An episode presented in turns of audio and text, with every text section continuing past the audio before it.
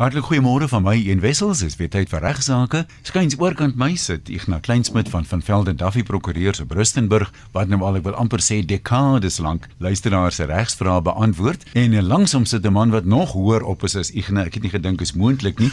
Maar hier hier is dit nou. Ignas, stel jou gas aan ons voor asseblief. Môre ja, en welkom. Goeiemôre Ian, goeiemôre luisteraars. Vandag 'n baie baie spesiale gas.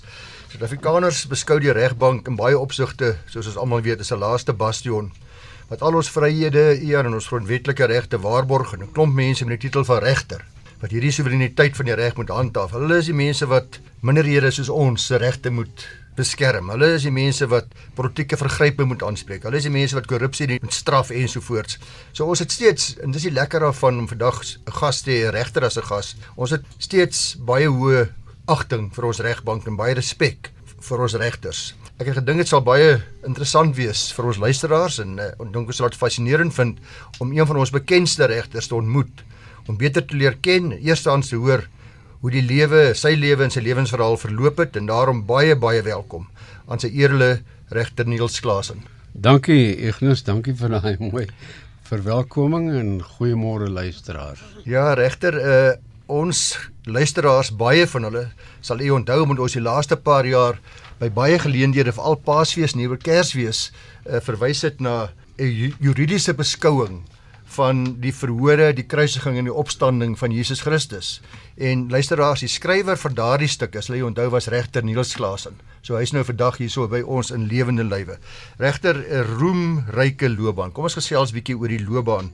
Uh, wel, ehm um, ek was op skool in Pretoria op Affies en toe op universiteit in Tikkies en toe het ek begin praktiseer as 'n advokaat in Johannesburg. Ek was 24 jaar lank 'n advokaat en toe in 1995 is ek en drie ander regters aangestel as die eerste regters van die Hooggeregshof wat na die uh, nuwe bedeling aangestel is. Ek dink die bekende regter Cameron was ook een van daai gewees, nee, en, en Sloppy is ook. Sloppy, Cameron, ek en Leby was die eerste wat aangestel is en ons aanstellingssertifikate is geteken deur Rory Slansland Nelson Mandela iets waarop ek nogal trots is. Ek kan so dink en toe hoe lank was jy toe regter? Toe was ek vir 20 jaar regter op die bank en toe het ek 5 jaar gelede afgetree ek eh, ek moet sê ek het besef almal van ons het altyd iets wat nie lekker is nie. Jy kon dalk nog 'n beter regter gewees het by die by die Noordwes Universiteit die graad gekry het, maar jy was 'n tikkie gewees hier. Toe was tikkie nog 'n universiteit en Noordwes was nog 'n hoërskool gewees. Jy moet onthou Jy moet onthou ek het toe mense nog trots gehad hulle het gekies waar hulle wil studeer. Ja. In elk geval, uh, ek was baie baie geïnteresseerd toe ek net 'n bietjie begin navorsing doen oor regter Niels Klasen om meer te leer van sy familie, 'n ware ware regsfamilie. Inderdaad, ek dink ehm um, dis uniek dat my pa en ek en my ander broer al drie regters was in die Transvaal. En ek dink dis die enigste geval van 'n pa en sy twee seuns wat in dieselfde afdeling op die bank as regters aangestel is. Uh daar's baie pa en seun en pa en dogter wat op dieselfde afdeling aangestel is as regters, maar ek dink ons hou daardie uniekheid as 'n as 'n soort van 'n prestasie en ek het geskiedenis. gesien die een broer se name was Roger Dyson Klasen. Is dit doen met die firma Dysons? Hy is nou my ouer broer. Hy is die tweede geborene en eh, soos die ou Afrikaanse gewoontes, die eerste seun het my pa se pa se naam gekry. Die tweede seun het my ma se eh, pa se naam gekry. En my ma se pa was Roger Dyson wat die firma Dysons begin het. Destyds was dit Dyson, Douglas, Muller en Meyer. En uh die Muller was natuurlik Dr. Helgard ja, Muller. Ja. Uh, wat toe later nou 'n minister geword het van buitelandse sake. So hy was 'n prokureur, my oupa was 'n prokureur, my pa was 'n advokaat en 'n regter en ek en my broer was ook advokate en regters. Ek is altyd grensloos beïndruk Ian met mense wat uh, hulle grade cum laude kry. Oh, dit was ja. ver buite my vuurmaakplek. Ek kan dit nie heerspel nie. Ja, korrek. Jy het die LLB destyds in Pretoria gekry cum laude en dan nou ook 'n LLM gedoen. Ek het die LLM toe by uh, Rau gedoen, oor Korrek, destyds Rau. Dis nou Universiteit van Johannesburg.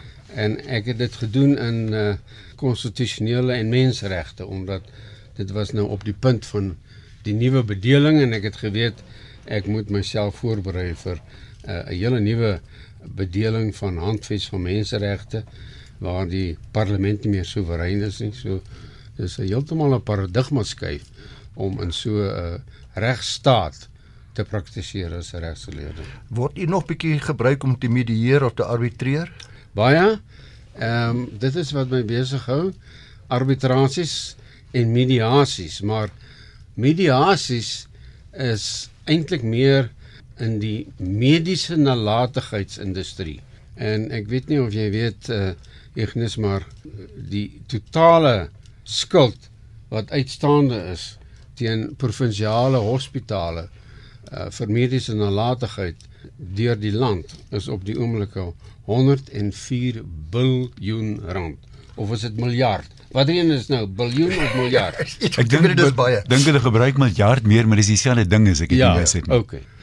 So daar is nie 'n manier wat al daai skuld gebetaal kan word nie en wat ek toe gedoen het is ek het betrokke geraak by 'n organisasie wat hierdie mediese nalatigheidskrisis aanspreek. En wat ons doen is ons propageer mediasie as 'n gouer, goedkoper manier om agterstallige sake af te handel. Jy weet eh, soos dat jy self weet Ignis as praktisyn, sommige sake kan tot 5, 6, 7 jaar duur.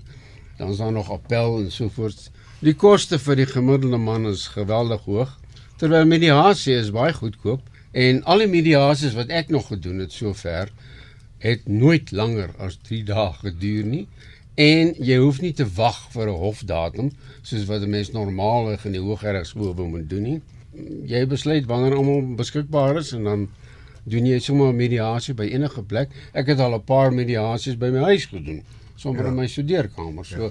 die kostes is omtrent nul. Maar die gedagte is dat by mediasie dat albei partye moet dit aanvaar. Dis 'n skikking wat bereik word met u as tussenganger u as mediator. Dit is reg. nie 'n bevel wat gemaak word wat afdwingbaar is deur teen enige party. Heeltemal reg. Die verskil tussen mediasie en litigasie is in litigasie of arbitrasie is daar altyd 'n uitspraak. En die uitspraak gaan altyd oor die persoon se regte. Wie's reg en wie's verkeerd? Daar's altyd een verkeerd is en verloor en een wat reg is en wat wen. En um, wat ek wou sê is dat 'n mediasie is daar geen uitspraak nie. Ek het myself laat uh kwalifiseer as 'n mediator. Dis 'n hele kursus wat jy mm. moet deurloop om as mediator gekwalifiseer te word. En hulle leer jou daar die tegniek om met gesprek en vrae uh, op 'n baie informele en 'n uh, gemaklike, veilige atmosfeer die partye te kry om uit te vind wat is werklik hulle behoeftes. Nie noodwendig wat is hulle regte nie, maar wat is hulle behoeftes? Want so dikwels is in mediese nalatigheid die behoefte heel anders as die regte. Dikwels is 'n apologie genoegsaam vir die pasiënt net van die dokter om te weet wat presies gebeur het of 'n verduideliking. En dan is die pasiënt tevrede. Nou, jy weet, 'n mens kry dit nie altyd in 'n hof nie. Ja. Um, terwyl jy dit in mediasie kan Jy kry. het nou mediasie en litigasie met mekaar vergelyk, maar my groot probleem ook met arbitrasie waar jy nou arbiter is, is dat mense daarteer kan appeleer. Wat baie jammer is, ek probeer altyd my bes om partye vooraf te laat ooreenkom dat daar nie 'n reg van appel sal wees nie, dat dit die einde- van die saak sal wees. Nee, uh, met arbitrasie is daar nooit 'n reg van appel nie tensy die partye in die arbitrasie ooreenkom Ja. dat daar wel 'n reg van appel is van een arbiter na 'n paneel van 3 arbiters. Maar Nou hoor Sonder 'n dit- volbank met ander woorde van ja, arbiters. sonder dit is daar gewoonlik nooit 'n uh, reg van appel. in Regtereg aan die einde van die program vra of u bereid gaan wees om u e-posadres te gee sodat die mense wat u wil as mediator gebruik of 'n uh, arbiter dalk wil nomineer, die kans het om dit te doen. Is u bereid om dit te doen? O ja, sekerlik, sekerlik. Regters is tradisioneel redelik mediaskie. Uh u weet dit, veral die tradisionele regters. Is- hulle is ook redelike eensame in in in, in privaat mense. Die die rukkie wat ek waar waargeneem het, het ek agtergekom ek is nou skielik alleen. My advokaatvriende, prokureursvriende is nou skielik wil nie meer met my so lekker gesels soos tevore nie. Nou hulle mag nie. Ja, korrek. Wat ek sê was daar's goeie redes daarvoor, ja. maar ons nuwe hoofregter, die uitgemeen nie nie. Ons hoofregter Mogoeng Mogoeng het duidelike ander benadering. Hy betree nogal maklik die openbare verhoog. Hy wys homself vir ons. Uh sy lewens en wêreldbeskouing lyk vir my is oor sake van die dag laat hy vir almal vertel wat dit is. Uh deur sommige kommentators word hieroor baie erg gekritiseer. Wat is u mening hieroor? Dit is 'n saak van graad, dink ek. 'n Regter se neutraliteit is baie belangrik. So mens vind dat sodra jy van 'n sekere beroep het, sy advokaat of 'n landdrost of 'n prokureur aangestel word as regter, dan verander jou lewe drasties. Jy kan nie meer dan sommer uitsprake maak want dit affekteer jou neutraliteit. As jy nou uitsprake maak sê maar oor 'n netelige saakie soos abortus en daar kom 'n abortus saak voor jou, dan is jy eintlik verplig om jouself te rekusseer Nee, omdat jy self jouself alreeds uh, bevestig het as 'n sekere standpunthouer ten opsigte van abortus. So 'n regter moet sy neutraliteit beskerm en behou. Maar dit beteken nie dat 'n regter nie 'n lid van die samelewing is nie. So 'n regter het dan ook 'n uh, reg om 'n mening uit te spreek oor sekere sake van die dag.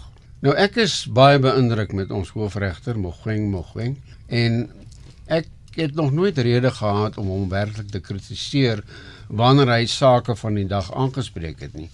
Hy moet dit net nie polities maak nie en 'n politieke kant neem. Hy moenie sê ek staan vir hierdie politieke party of daardie politieke party nie. Dit dink ek sou heeltemal verkeerd wees. Maar hy kan 'n standpunt neem oor byvoorbeeld grondsake, hoe hy voel oor grondsake, veral nou met die hele probleem van grondhervorming en so aan.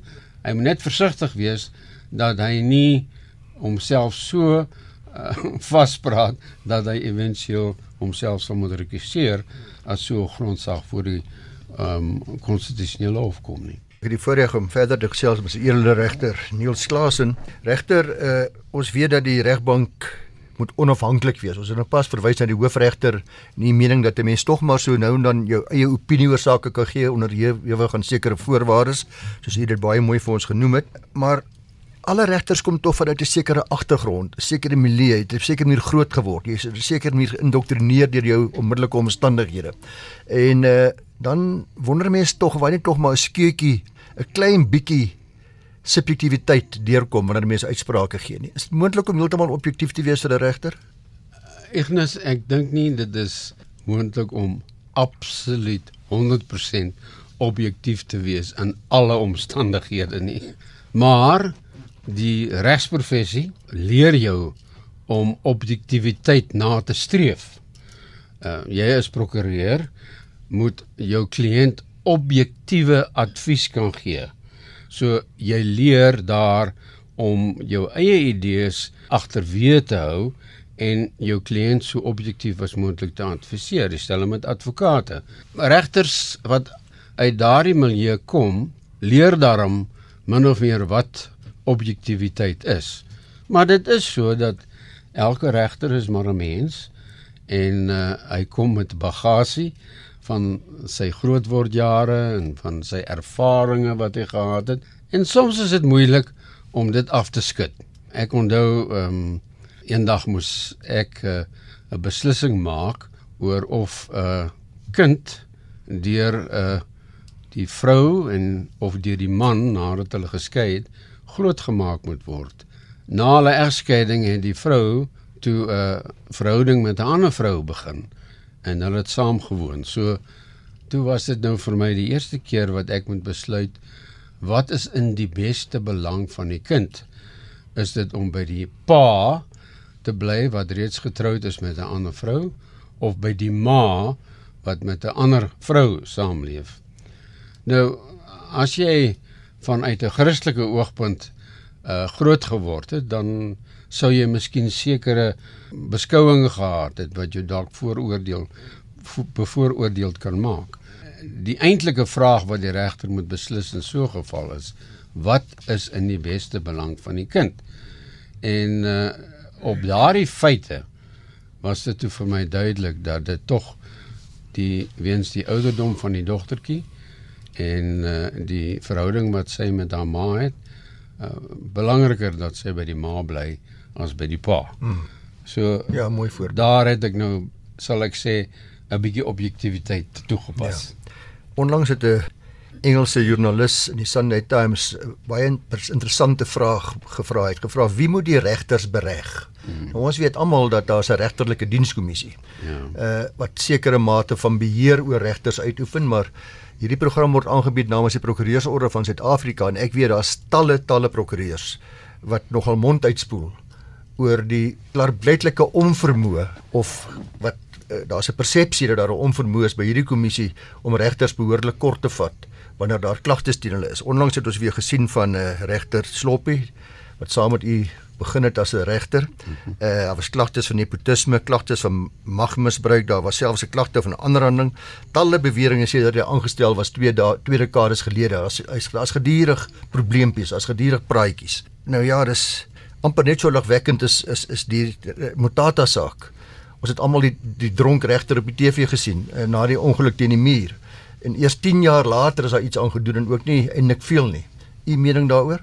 Ongelukkig moet ek met jou saamstem Ignis dat die regsdienste kommissie vervul nie eintlik die doel waarvoor dit oorspronklik uh, in die grondwet vervat is nie. Die saak van Sloppe waar hy na bewering twee konstitusionele regters beïnvloed het om 'n uh, sekere uitspraak te gee wat verband hou met 'n uh, voormalige president Zuma is tot vandag toe nie afgehandel nie. En dit is baie oud ouer as die Mutata saak.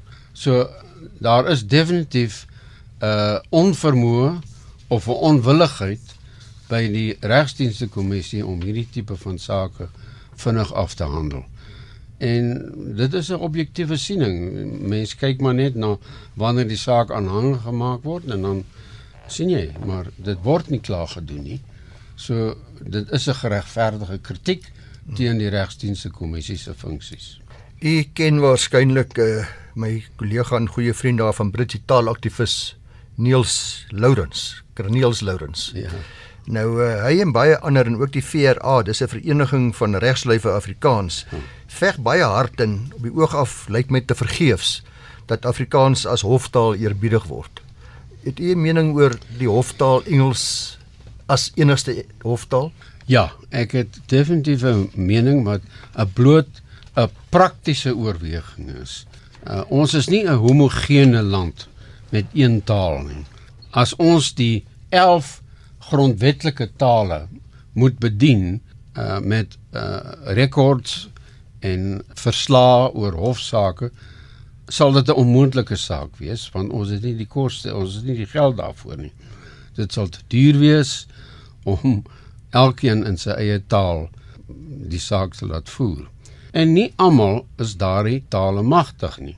Soos wat daardie aanstelling op die regbank plaasgevind het, is dit natuurlik so dat die grootste persentasie van regters wat vandag aangestel word, is Engels magtig, maar nie noodwendig Afrikaans magtig nie. Dan het jy die probleem as hulle as appelregter sit in die Hooggeregshof of in die Appelhof van Bloemfontein en daar kom 'n oorkonde wat alles in Afrikaans plaasgevind het, dan het hulle 'n probleem omdat hulle dit nie verstaan nie. Dan moet die hoofregter of die regterpresident dan of besluit om daardie hele oorkonde te vertaal in Engels of om 'n ander regter aan te stel wat wel Afrikaans magtig is. En uh, soos jy weet, is dit nou maar 'n feit dat die hoeveelheid regters wat nog Afrikaans kan paraat word al hoe minder en nie meer nie. So vir 'n praktiese oorweging en vir 'n koste oorweging dink ek dit maak net meer sin dat 'n mens maar net eenvoudig Engels gebruik uh vir oorkondes, vir taal gebruik in die hof, vir argumentering tussen advokate en die regter en gesprekke. Uh anders gaan dit 'n geweldige duur uh koste meebring. En baie dankie regter, uh, soos jy weet, die prokureursorde uh, bedien uh, baie prokureurs en daar's baie uiteenlopende standpunte hieroor en my standpunt daaroor is irrelevant gelukkig. uh, ek gaan uh, ek gaan 'n bietjie rondspring na die dinge toe wat ek weet vir ons luisteraars baie belangrik is. En een ja. daarvan is die doodstraf. Daar's geweldig baie stemme wat opgaan wat sê die doodstraf moet weer ingestel word. Ons weet, u en ek en almal eintlik dat daar's geen twyfel dat dit nie grondwetlik is nie. Ons grondwet is baie duidelik daaroor in baie duidelike taal. Maar baie mense vra weer dat ons tog weer moet kyk na 'n referendum dat hulle dink daar sal 'n meer as 2/3 meerderheid stem uh, wees in 'n parlement. Wat is u mening oor die doodstraf of die afskaaf daarvan? Dan kom ek vertel jou eers 'n staaltjie oor die doodstraf. Terwyl ek my pa se registrateur was toe ek nog op universiteit was, was dit nog die dae toe regters nog die doodstraf hmm. kon uitspreek. En ek weet in die huis waar ek saam met my ouers gebly het, hoe my pa onder absolute druk was om te besluit moet hy die doodstraf nou uitspreek of nie.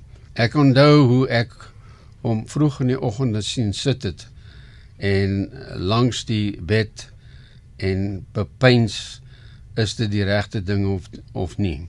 En hy moes toe 'n paar keer die doodstraf oplê. Maar dit was vir hom 'n geweldige geweldige sielkundige probleem om dit te doen. Toe ek aangestel is was gelukkig mm. net kort na die Makonyane saak waar die doodstraf toe afgestel is. So dis nie 'n maklike ding om doodstraf op te lê nie, maar die publiekse siening van die doodstraf is problematies omdat dit 'n populistiese siening is. En as jy 'n 'n land populisties wil regeer, wel dan moet jy sê ook ons gaan geen belasting meer betaal nie. Want populisties gesien hou mense nie daarvan om belasting te betaal nie. So in beginsel kan jy nie alle populistiese sieninge goedkeur nie. Dan akademies gesproke is daar baie state in Amerika waar die doodstraf nog van toepassing is.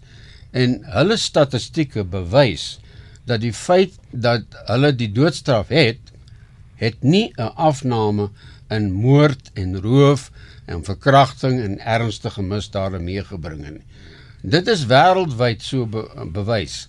So die doodstraf is nie noodwendige afskrikmiddel nie, want byvoorbeeld in Suid-Afrika is dit bekend dat van al die misdade wat gepleeg word, kom daar so miskien 20% in die hof.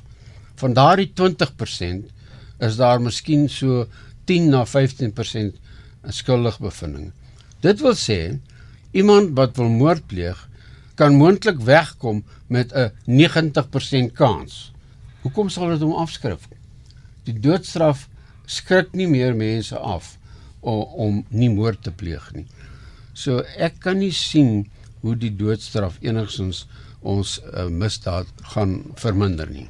Regter ons staan einde se kant toe. Ek wil uh, daarom net vir ons luisteraars sê ek het soveel navrae gekry na aandering van die programme wat ons uitgesaai het oor die uh, juridiese beskouing van Jesus se verhore en die kruisiging en die opstanding en al daardie. Ek het vir geweldig baie predikante ook gestuur daarna met u toestemming. Baie dankie daarvoor. Was gratis geweest intussen het u 'n boekie geskryf daaroor. Dit is korrek ja. Dit die boekie se naam is Jesus se laaste paasfees op aarde en uh dit dit is die juridiese beskouing van sy verhore kruisiging opstanding en die dood. Ek dink uh, baie mense sal belangstel om te kry is dit beskikbaar in die mark? Ja, dit is beskikbaar by die drukkers wat dit gedruk het, Naledi. En dan is daar 'n telefoonnommer wat geskakel kan word. Tersia Swart by telefoonnommer 078 648 8616. Kan ek dit net herhaal? Ja, asseblief herhaal dit vir ons weer. 078 648 8616 en dit kan daar bestel word en hulle laat my weet dat uh, Naledi dit binne 'n dag of twee sal aflewer by die adres van die persoon wat dit bestel. prys R140 sien ek. Ek sien so ja. Dit is nog tyd vir iets uh, een. Ongelukkig nie. Ehm uh, op daai noot moet ons ongelukkig groet regter Klaas en baie dankie vir die besoek. Dit was 'n voorreg om u hier te hê. Ek nou baie dankie. Ek en jy gesels volgende week weer.